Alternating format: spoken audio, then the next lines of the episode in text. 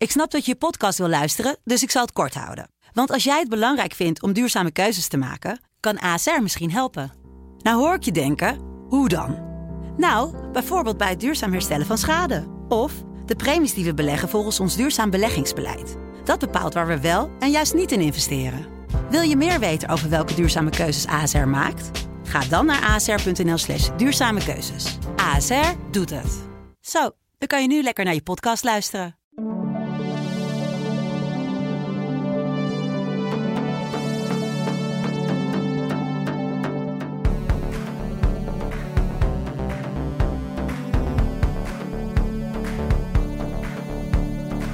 Geen Chasing Highs voor Nederland naar het Eurovisie Songfestival. De inzending van Nederland heeft een hele andere titel. Dat uh, onthulde Dion Cooper en uh, Mia Nicolai uh, afgelopen week in een interview in het Parool. maar wanneer we het wel weten is woensdagavond 1 maart. Dan rond een uur of acht s avonds weten we veel meer. Dan wordt de Nederlandse inzending in Rotterdam gepresenteerd. Welkom Katja Zwart. Welkom Richard van der Krommer. Bij een nieuwe aflevering van Songfestival Koorts. Nou, dat interview was een goede timing. Precies een week van tevoren. Dat wisten we toen nog niet uh, toen het werd gepubliceerd. En daarin zeggen de twee Nederlandse deelnemers eigenlijk dat het Nederlandse lied, dat dus geen Chasing Highs heet, een ode is aan vallen en opstaan. Nou ja. Veerkracht. Precies. Heb nou, ik begrepen. Dat kan wel wat hebben. En uh, wat erg leuk is om te lezen is dat ze het Songfestival altijd hebben omarmd. Maar toen ze Maneskin zagen, dat ze toen beseften van nou, dat willen wij ook. En Mia zegt ook in het interview wat ze heeft gegeven, dus een Stefan Raadgever. Ik heb tot nu toe twintig keer live opgetreden. En op zijn hoogst voor 250 man. Oh, dat belooft wat. Ja, dat belooft wat. Ja. Aan de act op het podium. Ik wist eigenlijk niet of we dat al wisten. Maar Marnix Kaart gaat weer medewerken. Ja. Uh, ik wist dat nog niet. Of ik ben het weer vergeten. Dat kan ook. Nou, die kan wel een mooie podiumact maken. Dat weten we.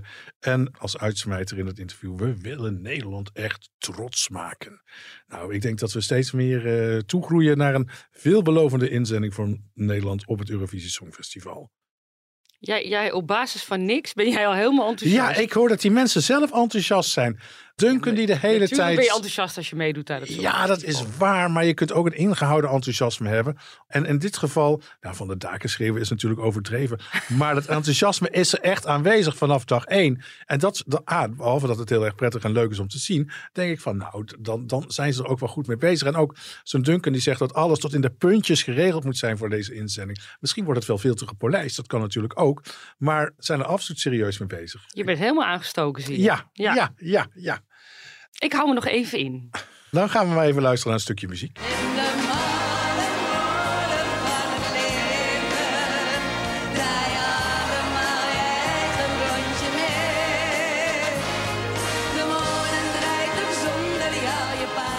Ja, en je hoorde een stukje van de malle mode. Inzending uit 1977 uh, van Hedy Lester. En in de studio hebben we hier uh, Frank Volter. Hij krijgt even een brok in zijn keel. Ja, die les Ja, is natuurlijk een aantal gek weken natuurlijk. geleden overleden. Gecondoleerd. Dankjewel. En welkom eh, bij ons in de studio. Gaat het met je? Ja, hoe gaat Ja. het? Nou ja, we we gaan terug naar 1977. Ja, klopt. Jij hebt eh, een liedje geschreven voor het... Nou, ik weet eigenlijk niet of het voor het Nationaal Songfestival is geschreven. Maar het was ineens als een soort onbekende artiest op dat Nationaal Songfestival kwam Hedy Lester erbij. Ja, dat klopt. Ehm, ze was eigenlijk een, een, een theatervrouw. We hadden toen een voorstelling met Frans Mulder. En toen is ze benaderd door Harry Knap, Pert. En die vroeg of ze het Songfestival wilde doen. En toen zei ze, ja, ik wil wel meedoen, maar dan moet het een lied van mijn broer zijn.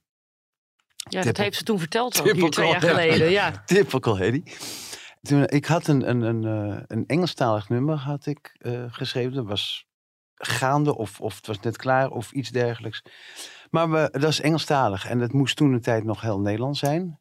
En toen zijn we nou op zoek gegaan naar een tekst. En eh, Marine Westra, dat was de coach van Hedy, die kende... ehm, nou is dat erg, dan ben ik zijn naam kwijt toch? Wim Hogekamp natuurlijk. En Wim die had een Ja, tekst. een tekst. Ja, die had een tekst op een ander lied. En we hebben die twee nummers bovenop elkaar gelegd en dat paste. Op één klein stukje na. En een klein stukje tekst had Wim nog over. En die zei, ik wil die tekst erin hebben. En ik zei van, nee, ik ga niet mijn muziek veranderen. En daarmee hebben we ongeveer een maand of anderhalf gelopen. om dat goed te krijgen met elkaar. Maar het lied was in ongeveer in 30 seconden klaar. Ah. was niet normaal. We legden echt letterlijk de boel op elkaar en het past allemaal. En uiteindelijk eh, is het geworden wat we gehoord hebben. Ja, dat Nationaal Songfestival was op 2 februari Klopt. 1970. Oh, dat weet je uit, uit je- wel uit je hoofd. Nou, het is eh, allemaal heel raar, maar het was de eh, verjaardag van mijn moeder. Dus, Oh, dat vergeet je niet. Ja, dus die was niet ja. zo moeilijk. Nee. Tien artiesten doen mee, tien, eh, tien liedjes Ja, strijden om elkaar.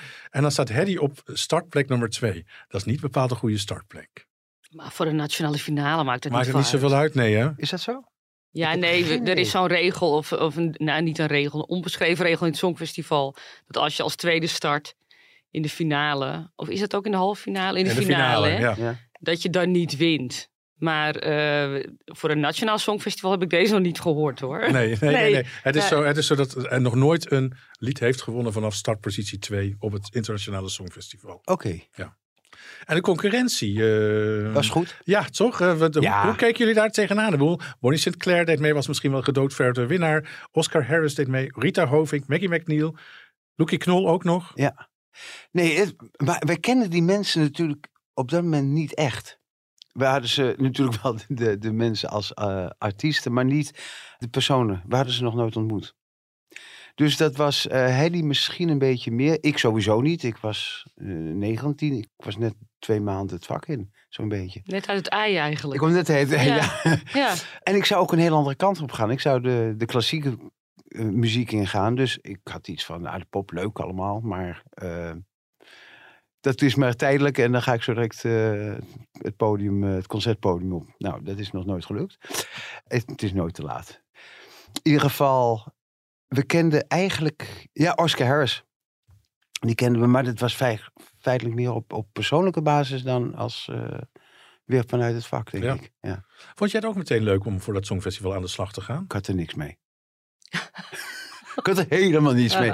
Ehm, in, de, in de vorm van... Nou ja, het, was, het was populair in die tijd. Hè? Ik bedoel, 1975 eh, Nederlands gewonnen, 1976 in Nederland gehouden. En een paar maanden later ben je dat malle mode gaan schrijven. Ja, ehm, ik bedoel, ik had er niks mee om mee te doen. Ik had er wel wat mee, eh, want ik vond altijd apparatoir en vooral de Franstalige nummers vond ik over het algemeen fantastisch toen de tijd. Die waren heel melodieus. Dus dat vond ik wel leuk aan het Songfestival. Maar ik had nooit überhaupt niet de gedachte om daar ooit iets mee te maken te hebben. Ja. En dan de puntentelling. Dat die zegen dichterbij kruipt. Heb je daar herinneringen aan? Nou, we zaten in de zaal en Wim en ik zaten naast elkaar, weet ik. En ik geloof dat de familie bij me was. Natuurlijk was de familie bij ons, want wat niet met de familie. welke familie? Want wa- was je... Oh, de, mijn broer en mijn, mijn ouders waren je ouders waren op sowieso. een cruise, dat is toch het Oh verhaal? ja, mijn ouders waren op cruise, dat Ja, klopt. Ja, nee, wat goed voor jou. Ja. Nee, dat klopt. Die, die zaten op de cruise. Oh ja, want ze heeft gebeld. Wat ja, erg, ik was er helemaal niet bij. Wat goed voor Ja. jou. Nee, dus ik zat met Wim in de zaal. Ja, ik zat met Wim in de zaal. Ja. Ja. Maar het maakte mij allemaal niet zoveel uit. Nee, Oh, wat Had heerlijk. je, hield je er rekening mee dat je kon winnen? nee. Helemaal niet. Maar als die Ehm, zegen dan dichterbij kruipt, want er komen steeds punten en punten worden er gegeven. Nou, mij kennende... Je volgt dat toch? Ja, maar mezelf kennende en zeker toen... zal ik niet hebben springen of juichen. Nee, ik was redelijk afstandelijk als het dat soort dingen aankwam. Ja, nog steeds geloof ik. Nee, ik, heb dat niet. Met Geen, dat, eh, geen competitiedrang. nee, ik heb geen Nee. nee. ik heb het Nee. wel in mijn sportwereld, maar niet in de, in de Mhm. creatieve wereld. Ik zie hier toch iets van Hedy voorbij komen. Ja, Want die, toch? die Ja. vertelde dat toen toch ook? Die had helemaal geen rekeningen. Die vond het wel best allemaal, geloof ik.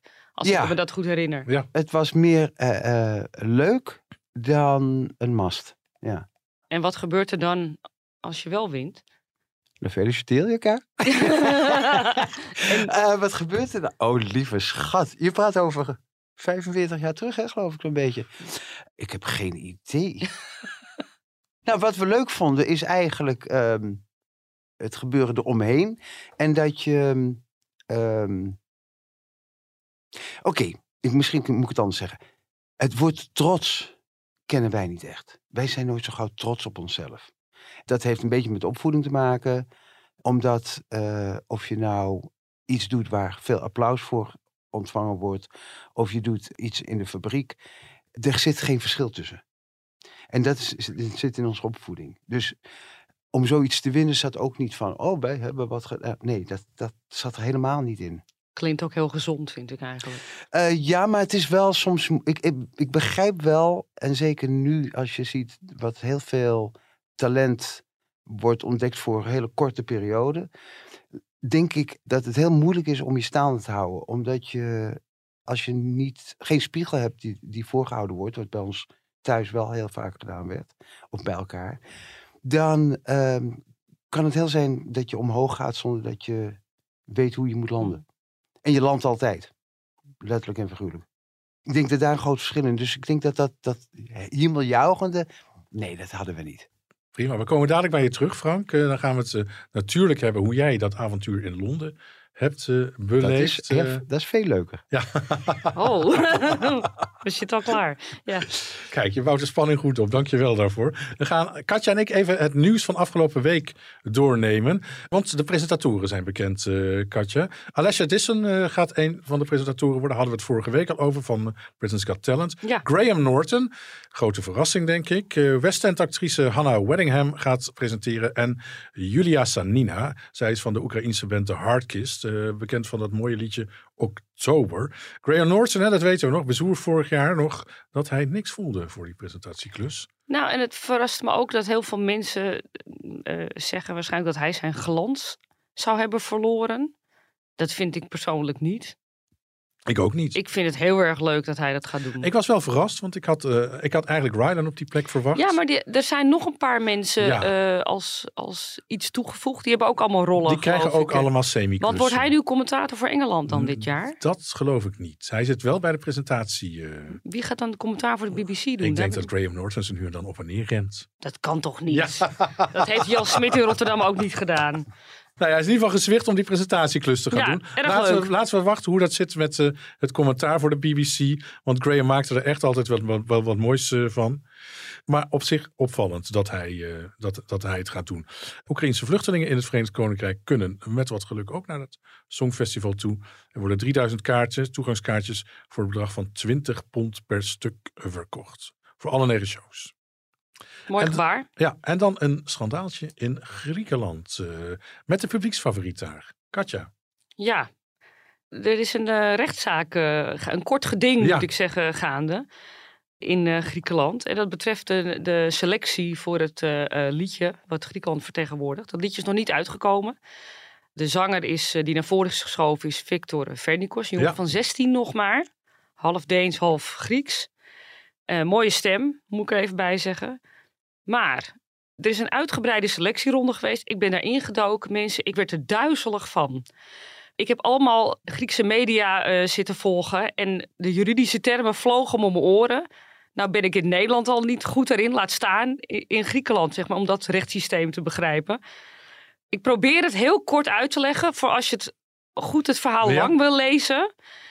Bereid je erop voor. Op Songfestival BE staat een hele mooie lange uitleg. Het komt hierop neer. 106 mensen hebben een liedje ingezonden. Mhm. Dan had je een artistiek comité van de ERT, de Griekse omroep. Daaruit kwamen zeven liedjes. Daar is een 70-koppige publieksjury op losgelaten. Ja, En een artistiek comité dus. Daar zijn drie liedjes uitgekomen. Van die drie is de puntentelling van de publieksjury weer meegenomen. Om die niet nog een keer te Mhm. vragen hoe het zit. Meegenomen naar die derde ronde. ja. Daar is weer een andere expertenjury op losgelaten. Maar wat is er dan gebeurd? De spelregels die lijken te zijn veranderd tijdens die interne Oh selectie. jeetje. Dus toen het proces al bezig was. En eh, als je gaat narekenen, ik ben persoonlijk, ik ben een echte alfa. Ik heb niks met cijfers, dus daarom duizelt het mij ook zo. Want er staan echt allemaal letterlijk allemaal rekensommen op songfestival.be. Als je gaat rekenen, dan, kan je dus niet uitkomen op het aantal punten waarop is uitgekomen. En dan is er ook nog een zangeres van die laatste drie die zich al terug heeft getrokken. Maar zij is toch meegenomen in die puntentelling. Mhm. Snap je het nog? Ben je er nog bij? Ja, ik ben er nog bij. Ja. Ik kan het nog volgen. Dit. Ja. Maar misschien wordt het nu wel ingewikkeld. Maar tijdens die laatste ronde werden weer punten gegeven volgens een andere opbouw. Ik probeer het nu simpel te Nou, vertellen. hè? Grieken hebben er wel een potje van gemaakt. Nou, hoe het is echt is Griekse bureaucratie ten top. Verschrikkelijk. Nou is eh, Maria Kozakou, de- zij is een lid van die expertenjury, die laatste jury. Maar zij is ook tevens de Griekse Cordat Maas. Zij is Mhm. ook de, de, de commentator voor Griekenland, voor het Songfestival. Die heeft nu laatst uitleg gegeven over het puntensysteem.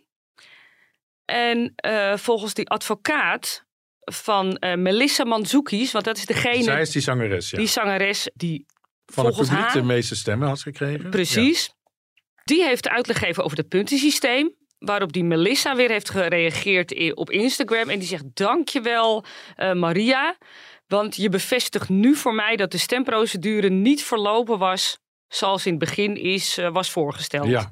Terwijl die Maria eigenlijk het allemaal storm in een glas water vindt. En, en eh, Ja, bij de, even om- bij de simpel Griekse omroep zijn ze not amused. eh. Totaal niet amused. Er is een advocaat eh, in de arm genomen. En er is een spoedprocedure opgezet, een kort gedingprocedure, zeg Ja. maar. Waarin, wat wordt er geëist? Nou, een flink een bedrag zag ik. dat er alsnog, oh ja, dat die hele procedure alsnog on hold wordt gezet. En anders een schadevergoeding van 160.000 euro. Ja. Nou, de Griekse omroep is pissig. en die zeggen, wij houden jou, Melissa, zeggen ze, Mhm. verantwoordelijk als er een probleem is of komt met onze deelname. Nou, er is enige haast geboden. Rond eh, half maart hè, er moet elk land zijn inzending inleveren. Ja, daarbij, dat is nog een ander ding waar niemand het over heeft. Er was een meneer Kapoutsidis, Jorgos Kapoutsidis. Hij Ja. was ook al jarenlang commentator, sinds 2006 meen ik. Heel populaire eh, persoonlijkheid in Griekenland. Vorig jaar leek hij al een beetje raar te doen over de, zijn omgang met de Griekse omroep. Dit jaar is hij afgehaakt. Ik weet niet of hij dan meer weet of dat hij daadwerkelijk zo druk heeft met zijn theatertour, wat hij beweert. Ik vind het allemaal heel verdacht. Maar we gaan het volgen. Ja, we gaan het zeker volgen. Dat kort geding komt eraan. Dus volgende week hopelijk weer iets van nieuws hierover. Ja, bovendien, Griekenland staat heel laag in de pols. Maar misschien moeten we het daar straks over laag. hebben. Ongehoord laag, ja. Ja, die staat op 32 of zo. Dat zijn we natuurlijk niet gewend van, van de Grieken. Nu zijn de Grieken bang dat dat komt door dit hele gedoe. Dat, Mhm. dat het buitenland daar alles van heeft meegekregen. En dat dit een smet, eh, eh, hoe noem je dat? Nou, een smetje. Een ja, smetje is, ja. Maar het schijnt ook zo te zijn, er is een demo uitgelekt van het eh, lied. Ja, En ja, demo's klinken nou eenmaal niet altijd geweldig. En dat schijnt dan gebaseerd te zijn daarop. nou goed, wij wachten in ieder geval keurig Ja, we weten zelf het ook wel dat dat... eh, 16-jarige jongen ja. eh, eh, af. Albanië heeft aangekondigd dat uh, Sasha Jean-Baptiste de stage acts gaat doen voor het land. Eerdere stage acts die gedaan zijn, zijn die van Fuego, van Eleni Furera, Love Wave van Iveta uit Armenië en Mhm. Beautiful Mess natuurlijk van Christian Kostov. Dus dat belooft in ieder geval eh, wat. En we hebben er in de afgelopen week vier nieuwe inzendingen voor Liverpool bijgekregen. Polen stuurt zangeres Blanca met het lied Solo. Die, die videoclip is al 10 miljoen keer bekeken. Maar heb je het al is, gezien? ik heb eh, het nog niet gezien Ik en niet niet. beluisterd. Nee. Dus daar komen we gelukkig later op terug. Die videoclip is dus wel al 10 miljoen keer bekeken, maar het nummer is ook al uit sinds september 2022. Dat mag met de huidige regels. Hè. Vanaf 1 september mag een lied dat meedoet aan het Songfestival uitgekomen zijn. Daarvoor niet. Tweede land eh, dat eh, met een inzending kwam is Australië. Zij komen met een rocknummer. Voyager met Promise. Vorig jaar deed die band nog mee met de nationale voorronde in Australië. Werd toen tweede. En wonnen trouwens wel de televoting vorig jaar in Australië. En dit jaar zijn ze maar intern aangewezen. En er komt een grunt in dat liedje voor. Weet jij wat het is? Ja, de, ja da- da- dit. Toch? Is dat zo? Nou ja, dat is een zangtechniek waarbij het gehele strottenhoofd vibreert. Nou ja, dat, Oh, dat mooi. dat klinkt wel goed. En ik, we kunnen er nu met z'n allen ook weer wat bij voorstellen. Dankjewel, Katja. San Marino kwam ook met zijn inzending. Zij sturen de Italiaanse band Pick Jacks met eh, I Can Smell You Like an Animal. Maar mijn god, dat San Marino. Hoe, hoeveel uur hadden die een, een, een ronde? Nou ja, ze hebben een goed voorbeeld genomen aan Sanremo, moet ik zeggen. Aan de Italiaanse voorronde. Wat ook pas om half drie s'nachts bekend wordt wie de winnaar Weet is. je hoeveel halve finalisten ze hadden? 105 ja, of die zo? moesten allemaal een liedje doen. Het, het, het was eindeloos. eh. 22 finalisten. Ik heb niet gekeken hoor. Nee. Kijk het maar, Oh. ja. Nou, ik heb de Pick Jacks wel, eh, wel meegenomen, dat laatste moment van de, van de winnen. Nou ja, deze Italiaanse rockband speelde trouwens in januari van dit jaar nog in Groningen op Eurosonic. Oh, dat belooft wat. Ja, ze komen uit eh, Toscane en ze hebben al in voorprogramma's gestaan van populaire bands als Interpol en Balthazar. En dan heeft ook Finland zijn inzender gekozen. Ja, Oh, je gaat helemaal nu... Je ik maakt ga er een helemaal glunderen, jongen. Ja. Wat een uitzinnige inzending. Dat mogen we natuurlijk niet zeggen nu al. Maar doen we pas bij de beoordelingen. Maar ik kan wel vertellen, vorige week keken we al even naar de lijst bij de boekmakers. Toen was er nog geen Finse inzending. Maar stond Finland wel al vierde. Dat had te maken met de gedoofdverver favoriet. Die is het ook geworden. Met een krankzinnige... De, de, de juries stond hij bovenaan. En daarna de telefoto's. Dat was helemaal punten binnenharken van heb ik jou daar. Nummer Ik heb naar die hè? hele nationale finale gekeken. Hele goede, geweldige uitzending moet ik zeggen. Eh, nou, ik begrijp waarom deze, deze man heeft gewonnen. Caria gaat met het nummer Cha Cha Cha naar Liverpool toe. Echt uitzinnige uitzending, eh, inzending. En Finland gaat meedoen voor de hoofdprijs. Ik weet het zeker. Zwitserland, die heeft bekendgemaakt dat de 21-jarige zanger Raymond Forrer, of Forré, ik weet niet hoe ik het uit moet spreken, het land zal vertegenwoordigen. Hij is winnaar van de Voice. En het liedje komt binnen twee weken. Ja. En dan is in Zweden tijdens de vierde ronde van het Melodiefestival het optreden van topfavoriet Loreen stilgelegd. Kwam een man daar het podium oplopen met een spandoek. Zou gaan om een klimaatactivist. Maar het heeft het resultaat eh, niet aangetast van Loreen. Want ze boekte een fantastisch resultaat. Ze staat zaterdag 11 maart in de finale van de Zweedse, van, in Zweden. Heb jij gezien hoe dat eh, verstoord werd, dat optreden? Ja, die man die klom op het podium. De- Ja. en, en, en met de spandoek. En het ook voor, nou ja, een soort... Ze had weer iets heel ingenieus bedacht, eh, die Loreen. Ja, ik heb mensen Ja. gehoord over een zonnebank. Ze ligt tussen twee plateaus in. Ja, dat is een goed woord, zeg maar. En eh, het ziet er heel intrigerend uit. Wat ik zo knap vond, is dat zij gewoon doorging. Zij moet hem gezien hebben. Tuurlijk. En dan schrik je tot dood. Ik zou me rot schrikken. Maar zij ging heel professioneel door. maar is- ze ja, had, het- een spandoekje bij zich. Waarop volgens de vertaling staat herstel het drasland. Nou, dat ga je dan bij Lorien zo eh, doen. En ze hebben ook geclaimd. Hè? De activistengroep heeft het Ja. geclaimd op Instagram. Op Instagram hebben ze gepost. De wereld is in chaos. Het is tijd om wakker te worden.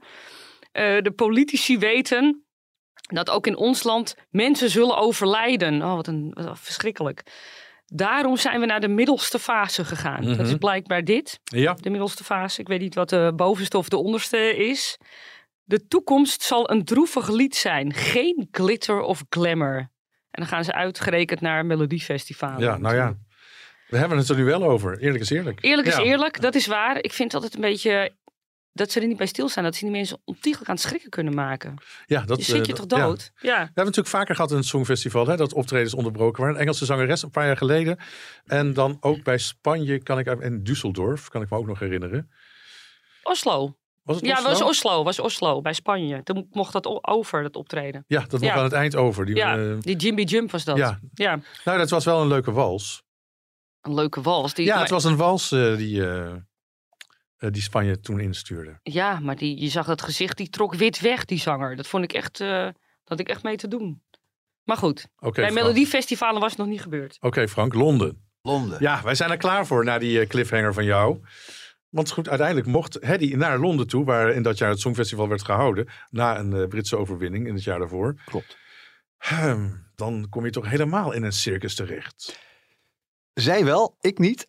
Ik zat in het centrum van Londen en zij zaten op Heathrow ehm, Hotel. Dus zij hadden het minder leuk dan ik, geloof ik. Want ik zat echt in het centrum, centrum van Londen. Bij een manager. Dus eh, ik heb dat eigenlijk helemaal niet meegemaakt wat daar precies speelde. Want ik, wij gingen nooit mee naar de studio's of naar de, eh, naar de hal. Dat was de... Laat me zitten, geen eh, namen. In ieder geval, ik heb daar heel weinig van meegekregen. Hedy zei alleen tegen me van... Wees jij maar blij dat je midden in Londen zit, want hier is niets aan. want zij gingen naar de locatie toe met de taxi en werden weer teruggebracht. En Ja. dat was het enige wat zij hebben meegemaakt. En ik zat bij een manager en ik had een, eh, zat echt in, in West End. En ik had het fantastisch. Die man was, ehm, die zou ons management gaan doen. Heeft hij ook eventjes gedaan. En ik heb voor het eerst in mijn leven daar televisie op de kamer gehad. Dat alleen al was al In je hotelkamer daar. Nou nee, Nee? ik zat bij iemand thuis. Ja, oké. Ik zat dus bij hem echt thuis. En ehm, ja, ik vond het een ontzettend grappig verhaal. Ik weet niet of het voor de lu- luisteraars leuk is. Maar ik sliep bij, bij hem in huis.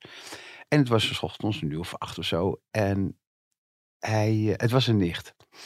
En op zich, daar is helemaal niets aan, maar... In de songfestivalwereld komt het wel ik, vaker ik voor. kom hoor. wel vaker voor, Ja. Het was een uur of acht eh, s ochtends. En wat doe ik met me? ontst- Ik was pas 19. Ik was Mhm. echt zo een kind af en toe. Dus ik zeg, hey, good morning. En toen kroop ik bij hem in bed.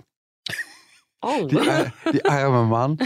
Want ik vond het wel leuk dat hij televisie op de kamer had.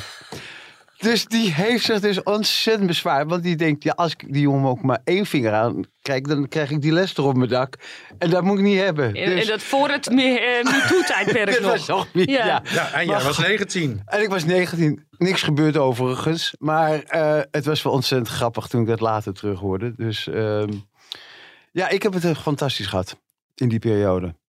En zo'n festival zelf is... ehm, nou ja, het was... Het was eh, een staking van eh, cameramensen en dergelijke. Het was een beetje onzeker of het allemaal door kon Of we gaan. doorgaan? Ja, dat is allemaal langs me gegaan. Ja. Ik weet alleen nog dat we daar zaten en wij hadden ontzettend slecht geluid.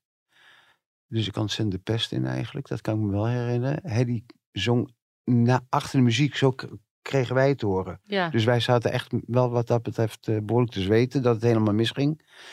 Maar dat had puur met de locatie te maken, hoe wij zaten. Het zal met de speakers en zo gemaakt, eh, te maken hebben gehad. En Hedy was genomineerd één door de boekmakers. En die heeft, maar ze zal dat verteld hebben, dat eh, die re- zing, ring die ze gekregen heeft. Ja, ja, Ja, ja. ja. ja. Wij hadden het gewoon ontzettend leuk. Eigenlijk alleen maar. En of je nou eerste wordt of twintigste, dat maakt niet zoveel uit. De beleving was wel heel, heel bijzonder om mee te maken. Ja. Waar heb jij precies gezien dan? In de zaal van... Ja, toch wel, Ja, ja. ja. ik zat, Die puntentelling, heb je, herinner je je daar nog iets van? Niks. Het was één grote chaos. Ze hadden voor het eerst een soort technisch scorebord bij het Oh Songfestival. Nou ja, degene die daar achter, achter de knoppen zat. Die, eh, die, Had zweetaanvallen. ja, ja, precies. En het was ook, en Nederland moest als derde op. Mhm. Bij land 1 en 2 kreeg Nederland drie punten. Vierde volgens mij, ja. En toen Nederland punten moest geven als derde dus, werd er, met, werd er vanuit Hilversum ook gezegd, jullie hebben een fout gemaakt. Dus wij hebben zes punten en er stonden vijf punten op het scorebord. Maar dat ging aan de lopende band, ging er van alles fout. Maar- En ook die vijf punten hebben er nog heel lang gestaan. En ook de eindscore voor Nederland was niet in overeenstemming met het totale aantal punten. stond 36 en het totale aantal punten was uiteindelijk 35. En eh, een van de mooie dingen van dat, eh, vind ik, van die puntentelling was dat Nederland bleef echt maar achter. Oké, de eerste twee landen allebei drie punten. Dan denk je van, nou, tellen nog een beetje mee. Maar daarna de hele tijd niks. Hier en daar nog een enkel puntje. En bij de laatste twee landen kreeg Nederland ineens een, een, een, ja, volle laag aan punten. Ja. Van België 10 punten, die moest als ene laatste punten geven. En Frankrijk als laatste punten geven, kregen we nog eens 8 punten. Dus eigenlijk de helft van alle punten werden in de laatste twee rondes gegeven. Eh, dat moet toch voor een hele glimlach op je gezicht hebben gezorgd destijds. Waarschijnlijk wel, ja. ja. Je gaat in een soort flow, kom je denk ik. Ja. Ja. En eh, je doet mee, maar ik, ik weet nog wel dat eh, er mocht geen televisie uitgezonden worden omdat ze het zo leuk hadden na afloop. En dat zou geen goed beeld gegeven hebben voor de kijkers. Mhm. Dat kan ik me nog herinneren. En verder, wat ik zeg, ik heb er niet zoveel mee. En zeker niet dat soort dingen. Het is altijd een beetje massahysterie. Ik word ook, als ik dat nu zie, en dan zitten ze in zo'n box, hè, Ja. en dan hebben ze Ja, zo'n en green dan, room. dat, dat, ja, zo'n green Ja, room. ja, En dan, dan gaan ze verschrikkelijk juichen. Oh, ik kan daar helemaal niks mee. Dat soort gedoe. Too much, too much, too much. En het is ook allemaal uiterlijk vertoon, vind ik het dus. eh, nee. Je kijkt niet. Ik kijk weinig naar het Songfestival. Ja. Ik ben wat dat betreft een beetje ouderwets. Ik hou van een goed lied. Goed, tussen Is haakjes. dat ouderwets? Nou, ehm, het is nu zijn het veel meer acts geworden. En de, Ja. de act eh, eh, wordt belangrijker. En je zei het ook net, die en die heeft die act ingestuurd. ge- en dat was toen de tijd was gewoon sec een lied. Je gaat staan en je performt het lied. Het was ook een songfestival. En nu is het een artiestenfestival. En dat vind ik een wezenlijk verschil geworden. Soms, En het- ja, soms staat natuurlijk in het Engels voor lied. Precies. En, en ik vind het jammer dat dat een van de weinige festivals waarin echt de componist en tekstschrijver naar voren mochten komen, dat dat verdwenen is. Dat Dat, is ook vind ik het voorbij, jammer. Ja. Ehm, maar voor de rest, eh, ik zie dat ontzettend veel mensen plezier aan hebben. Ik zie dat heel half Nederland nog steeds kijkt op eh, de datum dat het uitgezonden wordt. Dus ja, dan is het toch prima. Mooi, we komen dadelijk weer bij je terug, Frank.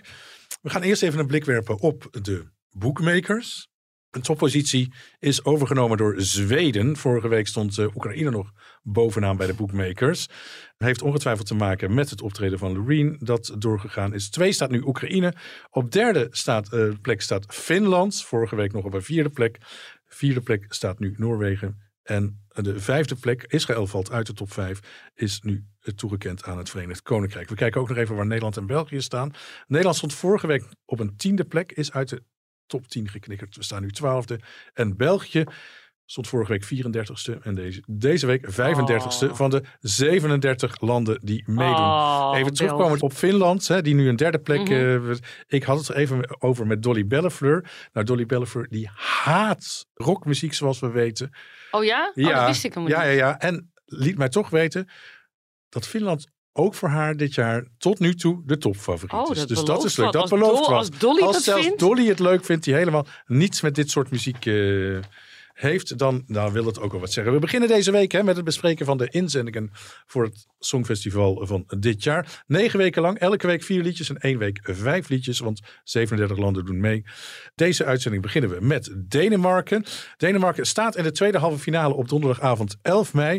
En ze sturen Riley met het liedje Breaking My Heart. I'm scared of breaking my heart.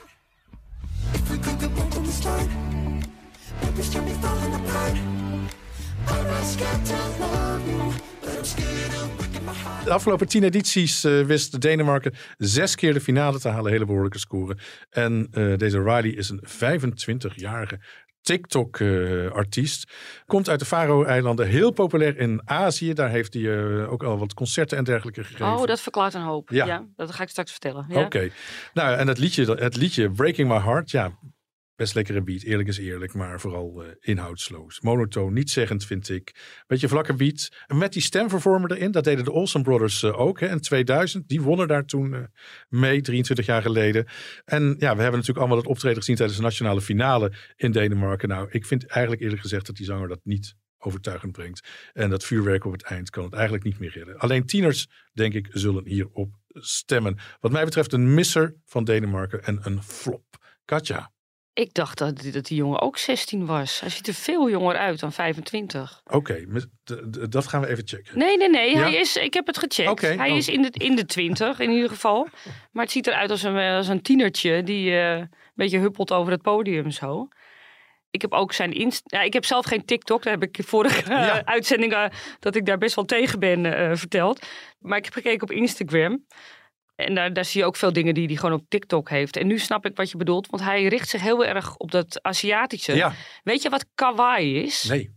Dat is een cultuur in Japan. En dat betekent liefelijk of schattig. En dat uit zich in pasteltinten en in, in, in, uh, in schoolmeisjes met van die rokjes en van die kanten Ja. toestanden. Dat heb je al eens gezien, toch? Ja, ja, ja. Ja.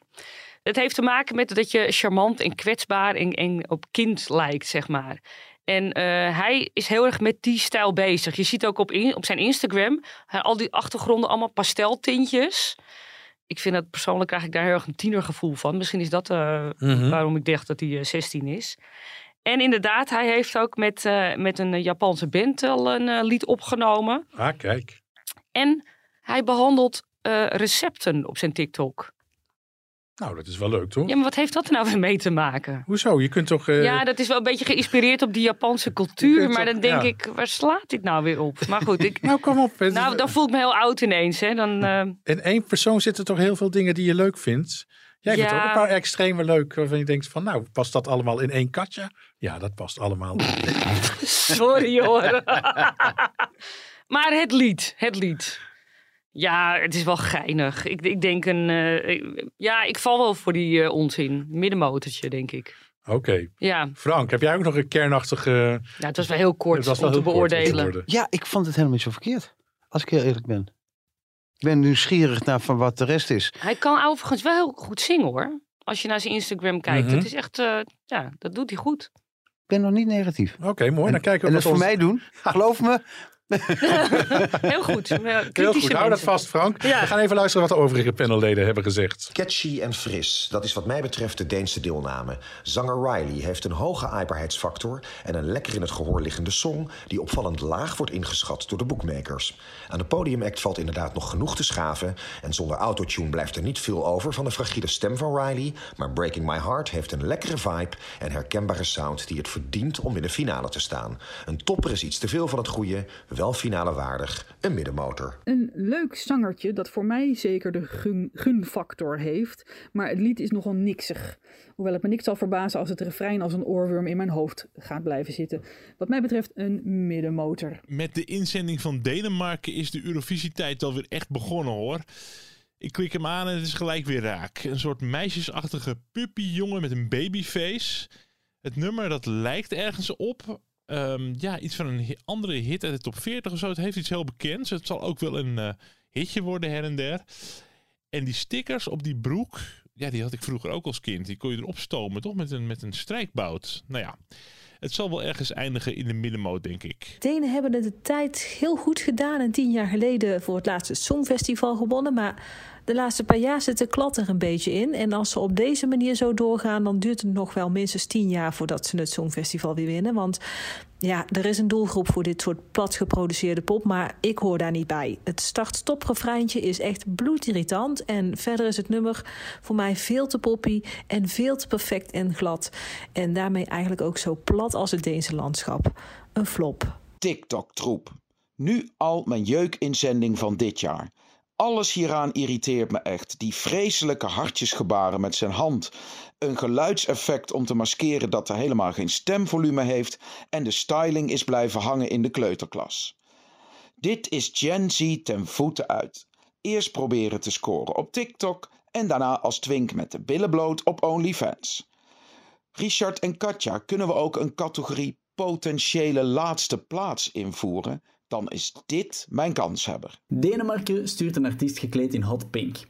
Pink is het zeker, hot, daar heb ik een beetje mijn twijfels over. Het Deens liedje heet Breaking My Heart, waarin de zanger zingt We could go back to the start. En dat zou ik wel doen. Let's go back to the start and try again. Dit is een mindere mindermotor. In een wat doorsnee popliedje probeert Denemarken hoge ogen te gooien. Dat gaat vast niet lukken, hoewel na een aantal keren luisteren dat refrein toch wel in je hoofd gaat zitten.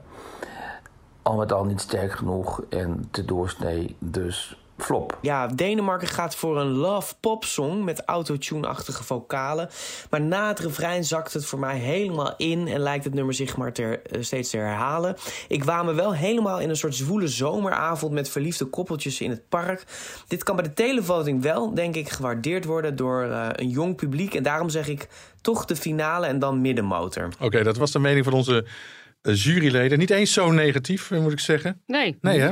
Nee, je hoorde achterin volgens Joris van der Sande, Margrethe Heer, Edwin Kleijs, Corrie van Songfestival Forum, Frank Otte, Jens Geerts, Wierduk en Aran Bade.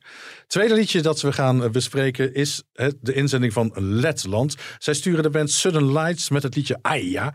Eh, die band bestaat al tien jaar. Deed vijf jaar geleden trouwens ook al een poging om Letland te vertegenwoordigen op het Eurovisie Songfestival. Toen eindigden ze op de tweede plek in de nationale finale in Letland. Maar nu eh, hebben ze het ticket naar Liverpool binnen. Ze staan in de halve finale van dinsdagavond, waar Nederland ook in staat. En eh, even de score kijken van de afgelopen tien edities. Letland list twee keer de finale te halen.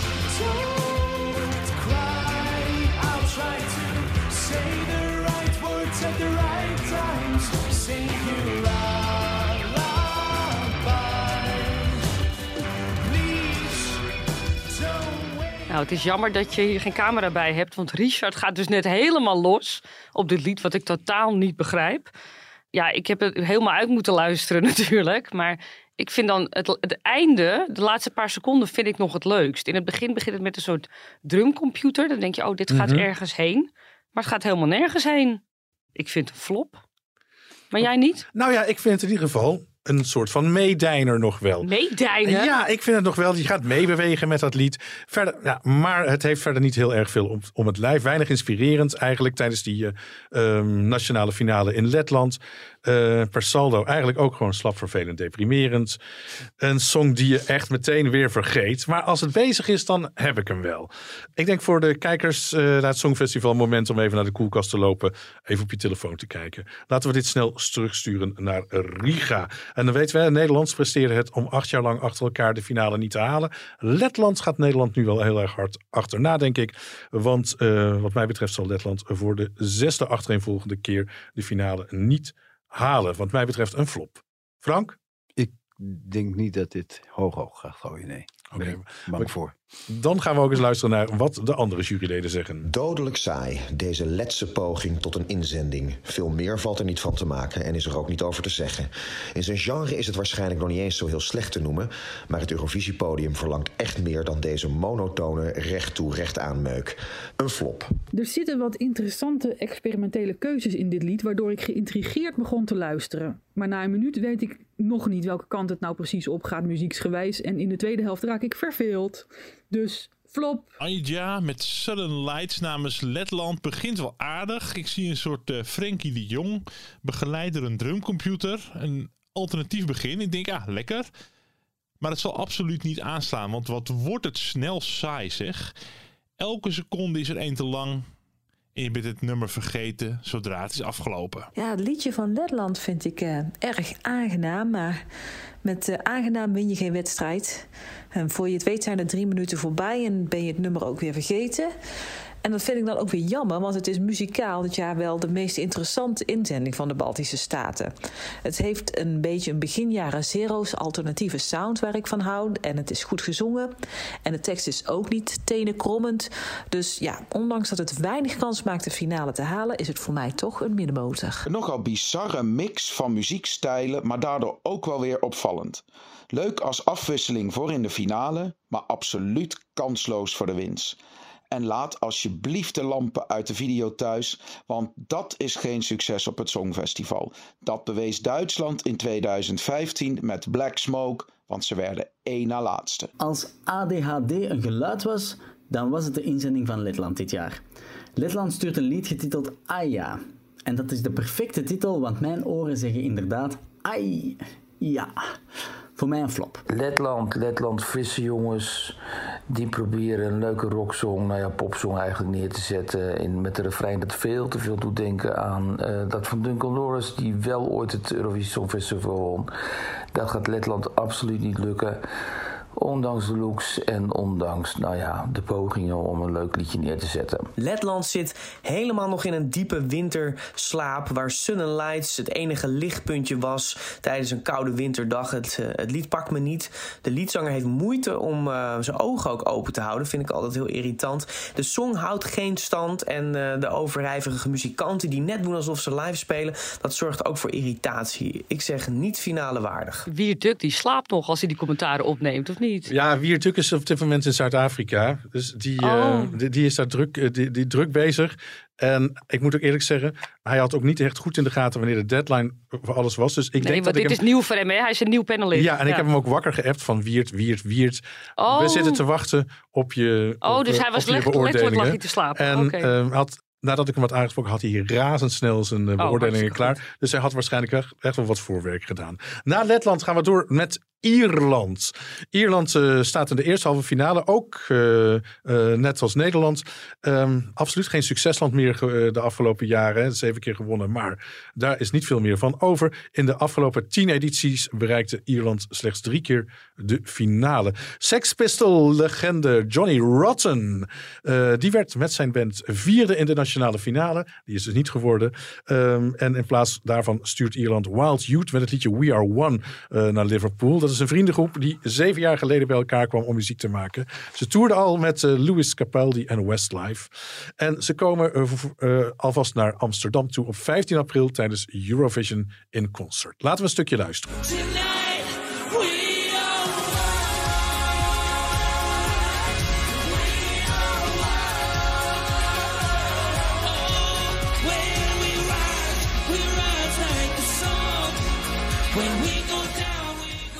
We Are One. Ik vind die compositie niet heel erg bijzonder, moet ik eerlijk zeggen. In de verte doet het denken aan U2. Ehm, Nou, dat mochten ze willen. ja, Ja. Nou, ik vind het ook niet echt een hele goede zangstem.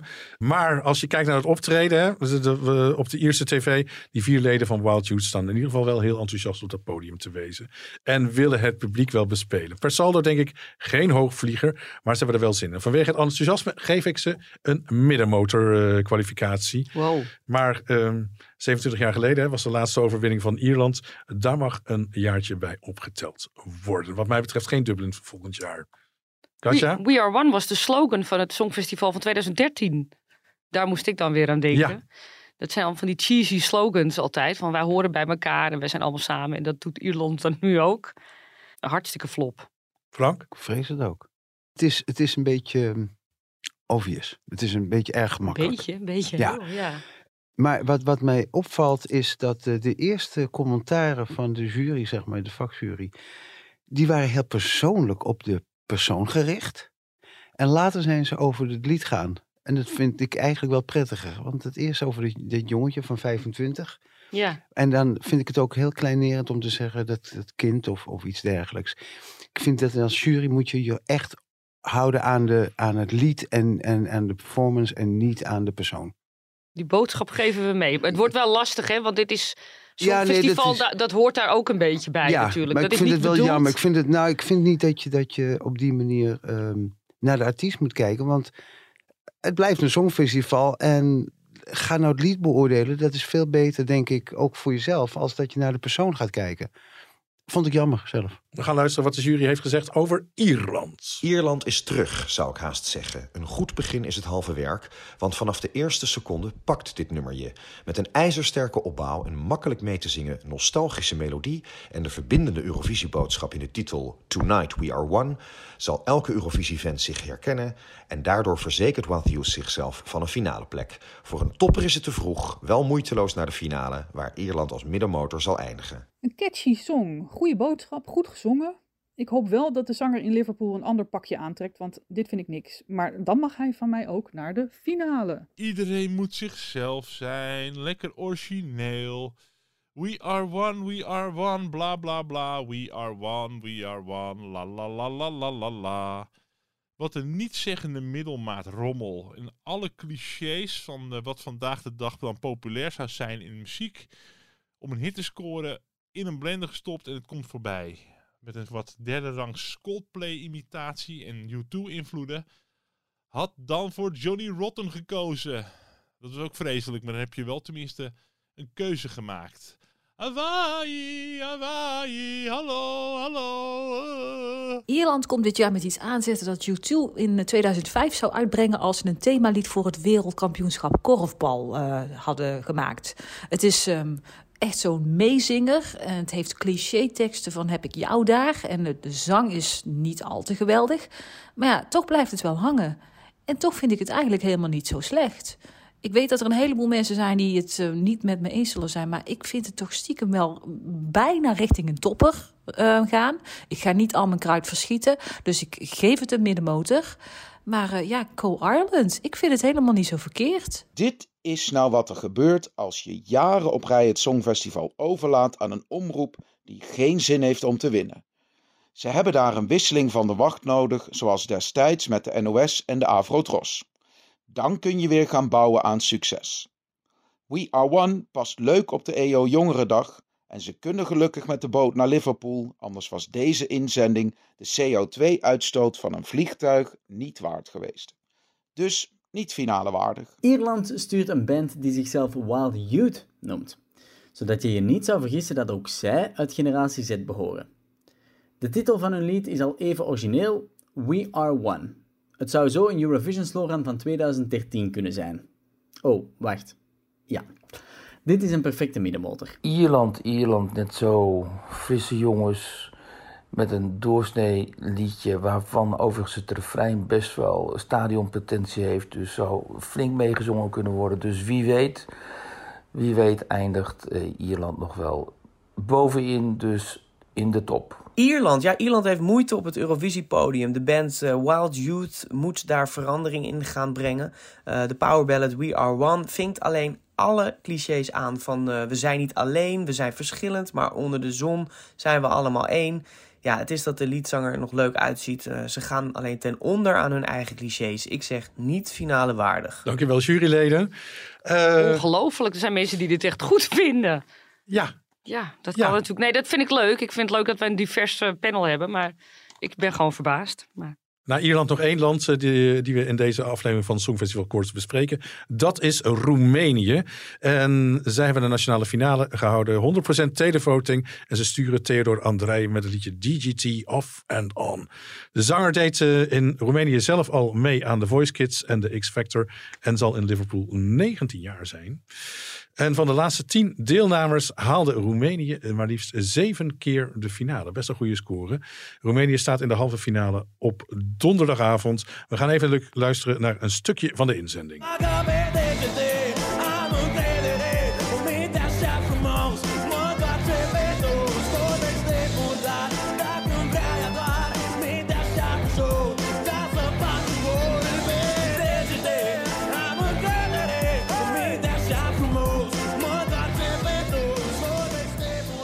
Frank zegt net dat we geheel terecht overigens vind ik dat je eerst naar het liedje moet kijken. Maar als je dit ziet, Frank, dan kan je niet anders dan naar de danseressen kijken Ja. in een Marlies Dekkers outfit. eh, lingerie moet ik zeggen. Ja, daar worden je ogen meteen door gegrepen. Sponsort Marlies dit geheel? Dat weet ik, daar, daar lijkt het op. Op een gegeven moment gaat een van die danseressen met een voodoo-poppetje aan de haal. Dat heeft waarschijnlijk te maken met de tekst van het lied. gaat over een soort verslavende liefde. Mhm. Off en on eh, zit er ook in de, in de titel. En wat er dan op het eind doet die jongen zijn shirt uit en dan staat er Make Love Not War. Ik zie de connectie niet tussen de songtekst en Make Love Not War. Het is goed bedoeld, maar ik vind het heel raar. Ik vind het wel een heel goede performer. Die jongen kan echt goed, eh, goed zingen. Hij heeft een goede uitstraling. Maar ik twijfel tussen de middenmotor en een flop. Ja. Nou, ik vind die Roemeense taal niet echt een fijne taal om aan te horen. Oh. En dan, ja, die stem. Ja, de, de, de meningen verschillen volgens mij over de stem van deze jongen. Ja. De ene vindt hem goed, de andere vindt... Ik moet er erg aan wennen, moet ik eerlijk zeggen. Erg veel geschreeuw. Ja. ehm, en dan, ja, dat optreden. Ik vind dat, op, dat optreden het, het, het ontstijgt het middelbare schoolavond eigenlijk niet de kwaliteit daarvan. Sexy danseressen en dansers, maar ja, dat is het eigenlijk. Wilde beat. En dan, wat mij betreft, gewoon eigenlijk een kansloze inzending. Eh het gaat hem niet worden. En de finale, wat mij betreft, niet halen. Frank? Ik denk het ook niet. Ik ga, echt grappig dat jij zegt van school. Dat had ik ook een beetje een schoolfeest.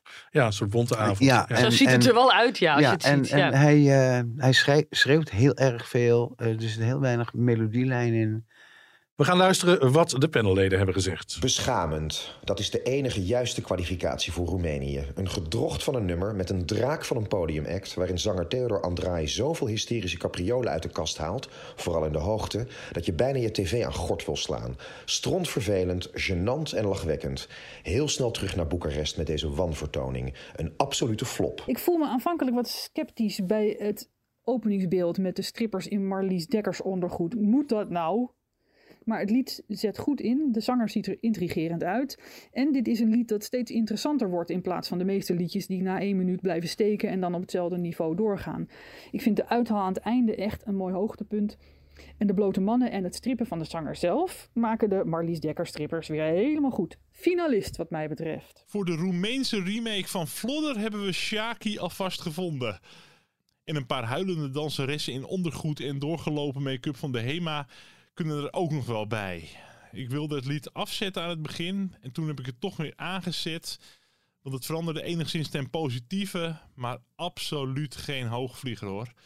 Roemenië, zero point. Ja, deze Roemeense jongen die probeert het wel, maar hij probeert het gewoon veel te veel. Hij, hij zit zo ontzettend te schmieren voor die camera ehm, tussen die twee ehm, half ontklede dames. En het is allemaal, het lied op zich vind ik eigenlijk nog niet eens zo verkeerd. Ik vind het leuk dat het deels in het Roemeens is. Een stuk in het Engels, dat hoeft dan niet eh, per se van mij.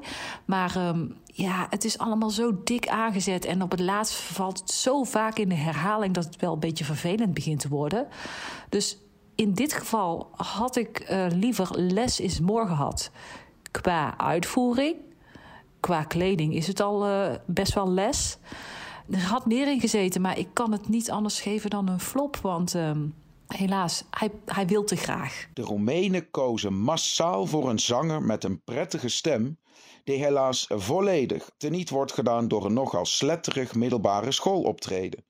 Twee twinks zonder shirt en schaars geklede dames in Alibaba Express lingerie mogen straks op het duurste muziekpodium ter wereld hun danspasjes laten zien.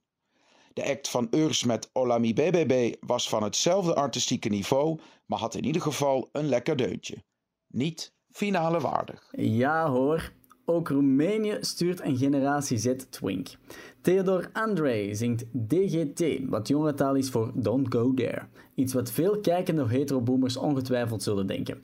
Als subtitle voor het lied koos Theodor voor Off en On. De t-shirts van alle twinks op het podium gaan sowieso off. Uit gebrek aan beter zeg ik tegen het nummer On.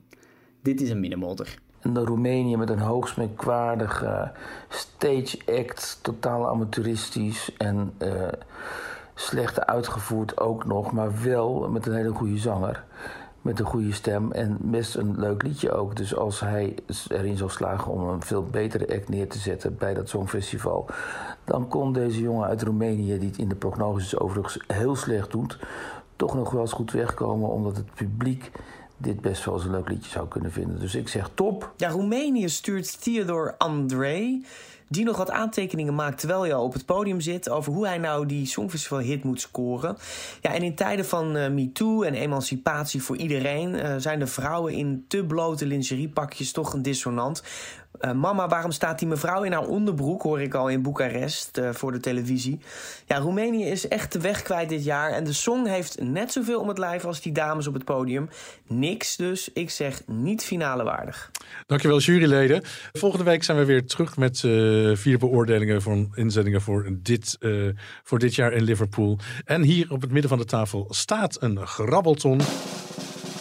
De grabbelton. Zullen we Frank laten grabbelen? Dat lijkt me een goed plan. Dat lijkt Geef het briefje maar aan technicus. Alsjeblieft.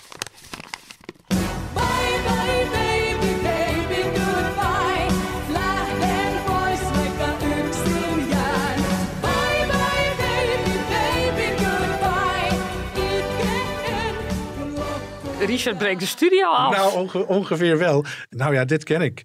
Ik moet eerlijk zeggen, het is de instelling van Finland, 94. Ja. Cat Cat, Bye Bye Baby. Nou, dat, uh, dat het refreintje hebben ze ook goed uitgehaald.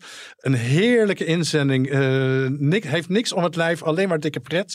Ik heb ze één keer gezien tijdens de Pride optreden in uh, Stockholm. Ja. Daar hebben ze tijdens de Pride elke donderdagavond, even uit mijn hoofd, altijd een soort Songfestivalavond met vooral natuurlijk veel Zweedse artiesten uit uh, Ja. melodiefestivalen. Maar tot mijn grote verrassing kwam ook ineens Cat Cat het podium op. Oh, je begint te En glunderen. ja, jij ik, nu, begon, ja. ik, vond het, ik, ik vond het fantastisch. Eh, dus ja, deze kende ik toevallig uit de Grabbelton. Volgens mij stond dit heel hoog in, in de polls Mhm. destijds. En eh, is het naar beneden gekelderd. Want het kwam niet, Het heeft goed- niet veel gedaan op het het kwam niet zelf. goed uit de verf met dat orkest. En die pakjes die die dames aan hadden, dat was een soort mislukt Jean-Paul Cortier-imitatie met pijpjes of zo. Dat wel, ja, dat was een beetje. Het waren twee zussen ook, hè, geloof ik. Zou wel kunnen, weet ik ja, het waren niet. twee Nee. zusters, waren het. Ja, ze eindigde op 22, als ik me goed herinner. Ja, echt verschrikkelijk laag zijn ze Ja, geëindigd maar op dat is Songfestival. Niet zo gek natuurlijk. Terecht? En eh, Mm, het is weinig opvallend, laat ik zo zeggen. Ja. Maar het is, in dat genre is het niet slecht. Het is, ik In vind dat altijd genre. heel, ja, Ja. Ik, ik vind het altijd heel moeilijk met Songfestival. Want het ene moment denk je van, ehm, is het een, een, een act met iets wat, wat goed blijft hangen, hè, dat je snel oppakt. Want de mensen hoort maar één keer, de juryleden hoort drie keer, geloof ik. Dus dat is altijd heel moeilijk in te schatten wat iets doet. Maar als ik op mezelf afga, zit ik er altijd naast. Maar dat jaar won echt een prachtig, een van de mooiste inzendingen ooit, eh, twee vind ik. mannen, Eh, ja. Twee Ierse Rock'n'Roll Kids van eh, eh, Paul Harley en Charlie McCattigan. Dat is echt een prachtig nummer. En eenvoud, gewoon één achter de gitaar, één achter de piano, geen, geen poespas. Gewoon een simpel mooi lied. Ja. Dat, dat wordt vaak gekopieerd. Hè? We hebben dat met Waylon en dingen gehad. eh, Ja, maar toen eh, was het nog origineel, zeg maar. Eh, ja, nee, Ja. precies. Maar je ziet Ja. elk jaar zie je wel één of twee Kopieën die van iets. kopieën van- Altijd, ja. Ja, nou weet ik niet of het kopieën, dat, dat de, de Comalinnense kopie waren Nee, van deze winnaar uit niet. Ierland in 1994. Nee, dat vind maar ik ook niet. Ilse de Nee. Lange heeft wel een paar keer gezegd dat ze dit echt wel, hè, die winnaar van 1994, een Ja, verschrikkelijk omdat het ook een beetje in de countrylijn eh, Ja. lag natuurlijk. En dat jaar waren er ook voor het eerst trouwens satellietverbindingen met de nationale juries. Als je dat even terugkijkt op YouTube, dan lach je dood. Want het is heel saai om naar te kijken. Nu is het puntentelling moment. Al die mensen, die, die vertegenwoordigers die natuurlijk die punten moeten geven. Mhm. Dat wordt ook van tevoren bekendgemaakt nu. Wie is dat? Die hebben een enorme outfit aan. Het, er wordt echt een moment van gemaakt. En dit is echt dodelijk saai. Heel veel oude mannen in, in pak en zo. Ik heb niks tegen oude mannen. maar het, ziet, het is gewoon helemaal grijs en, en, en saai is het. Het was ook het jaar dat er een nieuwe landen uit Oost-Europa bij kwamen.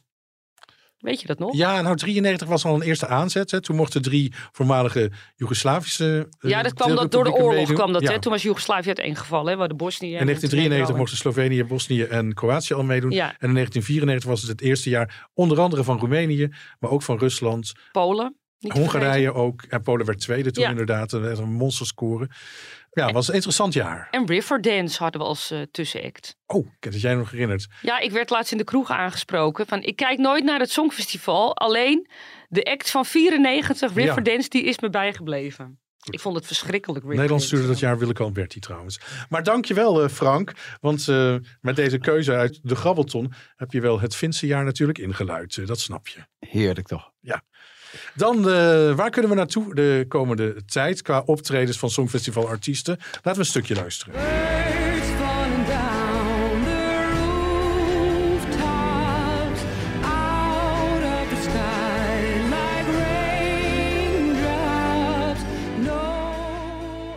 Ja, zou ik niet echt van optreden. Maar Anouk heeft voor de maand juni wel een paar song, uh, festivaloptredens aangekondigd. Even, ik zal er een paar noemen. Vrijdag 9 juni staat ze in Dordrecht bij One Live. Zondag 10 juni bij Landsinger Live in Bersenhoek. Dat ligt vlakbij Rotterdam. 17 juni staat ze in Central Park Utrecht. 18 juni Stadspark Live Groningen. En 22 juni op Concert at Sea te Brouwersdam.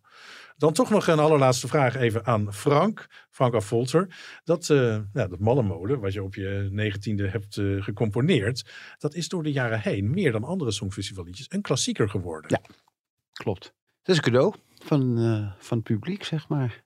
Daar heb je zelf niks over te zeggen. Dat zijn de cadeautjes die het publiek geeft aan je. Het, nou, het is ook is, een cadeau dat jij aan het publiek hebt gegeven, vind ik.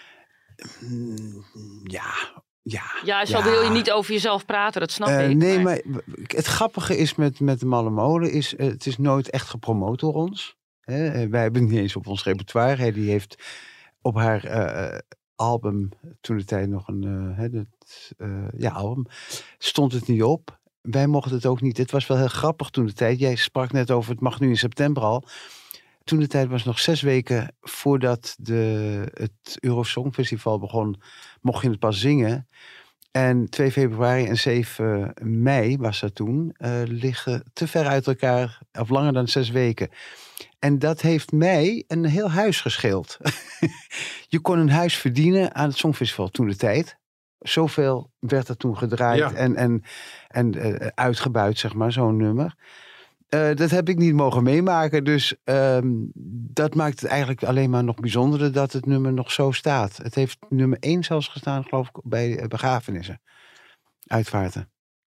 Nou, dus Ook heel ja. blij mee. Ja, nee, echt, dat is helemaal in mijn lijn op het moment. Ja, nee, het is wel raar. Nou, met recht een van de klassiekers geworden, denk ik. Uh, weet ik eigenlijk Ja. wel zeker. Um, wat wij vaak te horen krijgen van fans, is dat ze het zo jammer vinden dat de Malle Molen niet op Spotify staat. Weet jij hoe dat komt? Volgens mij moet je dat zelf doen, hè? Nee. Nee. Ja, dat moet jij zelf doen. Dat moet ik zelf Ja. doen, hè?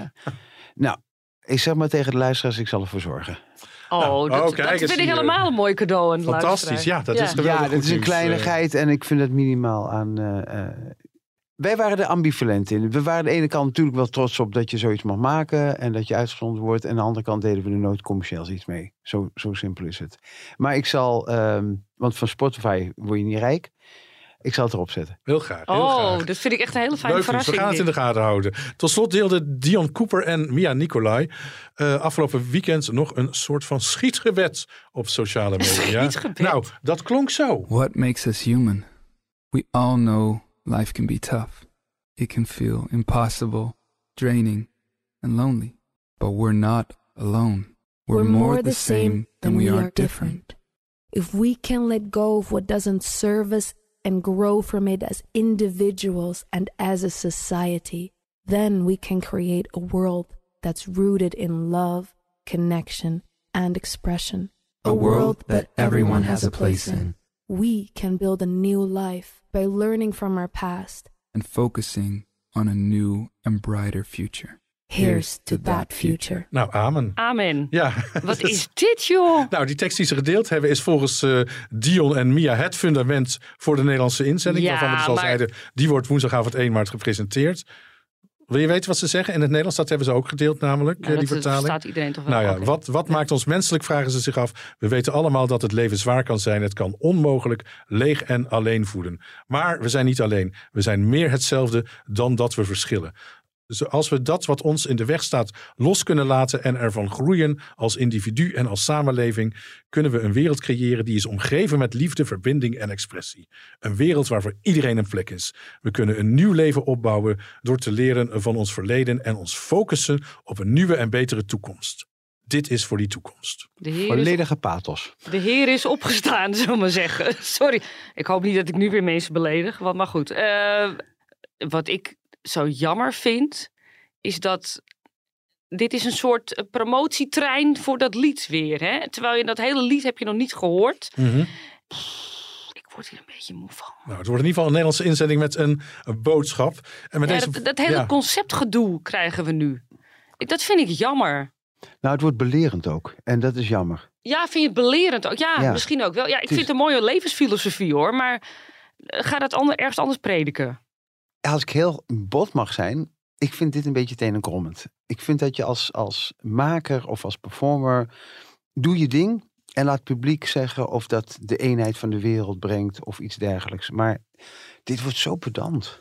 Je gaat het uitleggen, hè? Ja, doodzonde. En dan gaan ze het ook nog eens met een, een, een soort, nou, bijna een religieuze ondertoon qua stemkleuring hebben.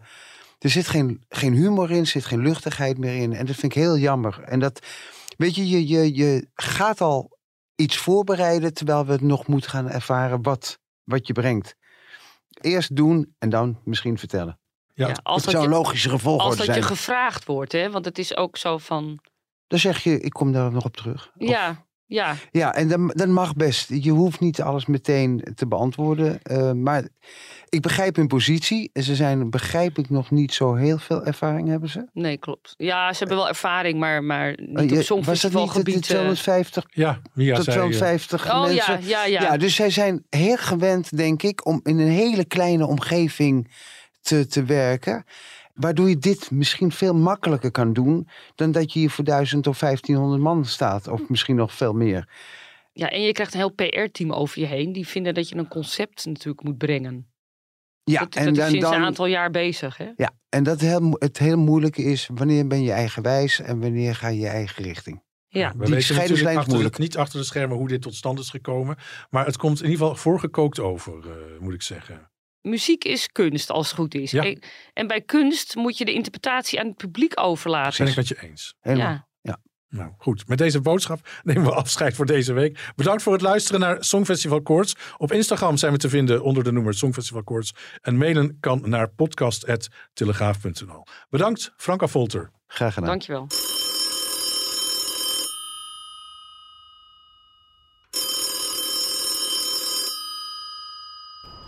Dit is de voicemail van Songfestival Koorts. Wij zitten op dit moment midden in een opname, dus wij kunnen niet opnemen. Deze voicemail wordt ook niet afgeluisterd, tenzij je Dolly Bellefleur bent. Aanstaande woensdag 1 maart zullen we eindelijk weten wat dit jaar de inzending van Nederland is voor het Eurovisie Songfestival. Zal het mij lukken om voor het tiende jaar op rij een hertaling te maken? Wordt het net als de afgelopen jaren weer een donkere, zwaarmoedige song waarin overduidelijk is te horen dat alleen uit leed kunst wordt geboren? The Foundation of Our Song is de titel van het bericht waarmee Mia en Dion een tipje van de sluier hebben opgelicht. Ze deden dit enkele dagen geleden op Instagram in een verhaal dat gekenmerkt wordt door nogal cryptische en raadselachtige taal. Het inspireerde mij tot deze liedtekst. Life without love can be tough, it's true. It can feel impossible, empty and lonely too. But we're not alone if we, birds of a different feather, all hens and cocks, live happily together in colorful frocks. What makes us human, can you tell me now? Is it the way we love, the way we learn to bow? To the challenges that life throws our way and rise up stronger day by day? If we can let go what doesn't serve us well and grow as individuals and as a society as well, we build a world on love, expression, and connection, where every single person counts, no place for rejection. Let's learn from our past and look ahead to a brighter future. Please don't be sad. We can create a new life, a new start, and show the world the power of a human heart. What makes us human? Can you tell me now? Is it the way we love, the way we learn to bow to the challenges that life throws our way and rise up stronger day by day? Hertaald zou dat kunnen klinken als Iedereen is anders, daarin zijn we gelijk. Niet tegen maar medestanders, samen zijn we vindingrijk. Volkomen gelijkwaardig gaan we samen aan de slag. Iedereen is eigenaardig, maar daarin schuilt juist de kracht.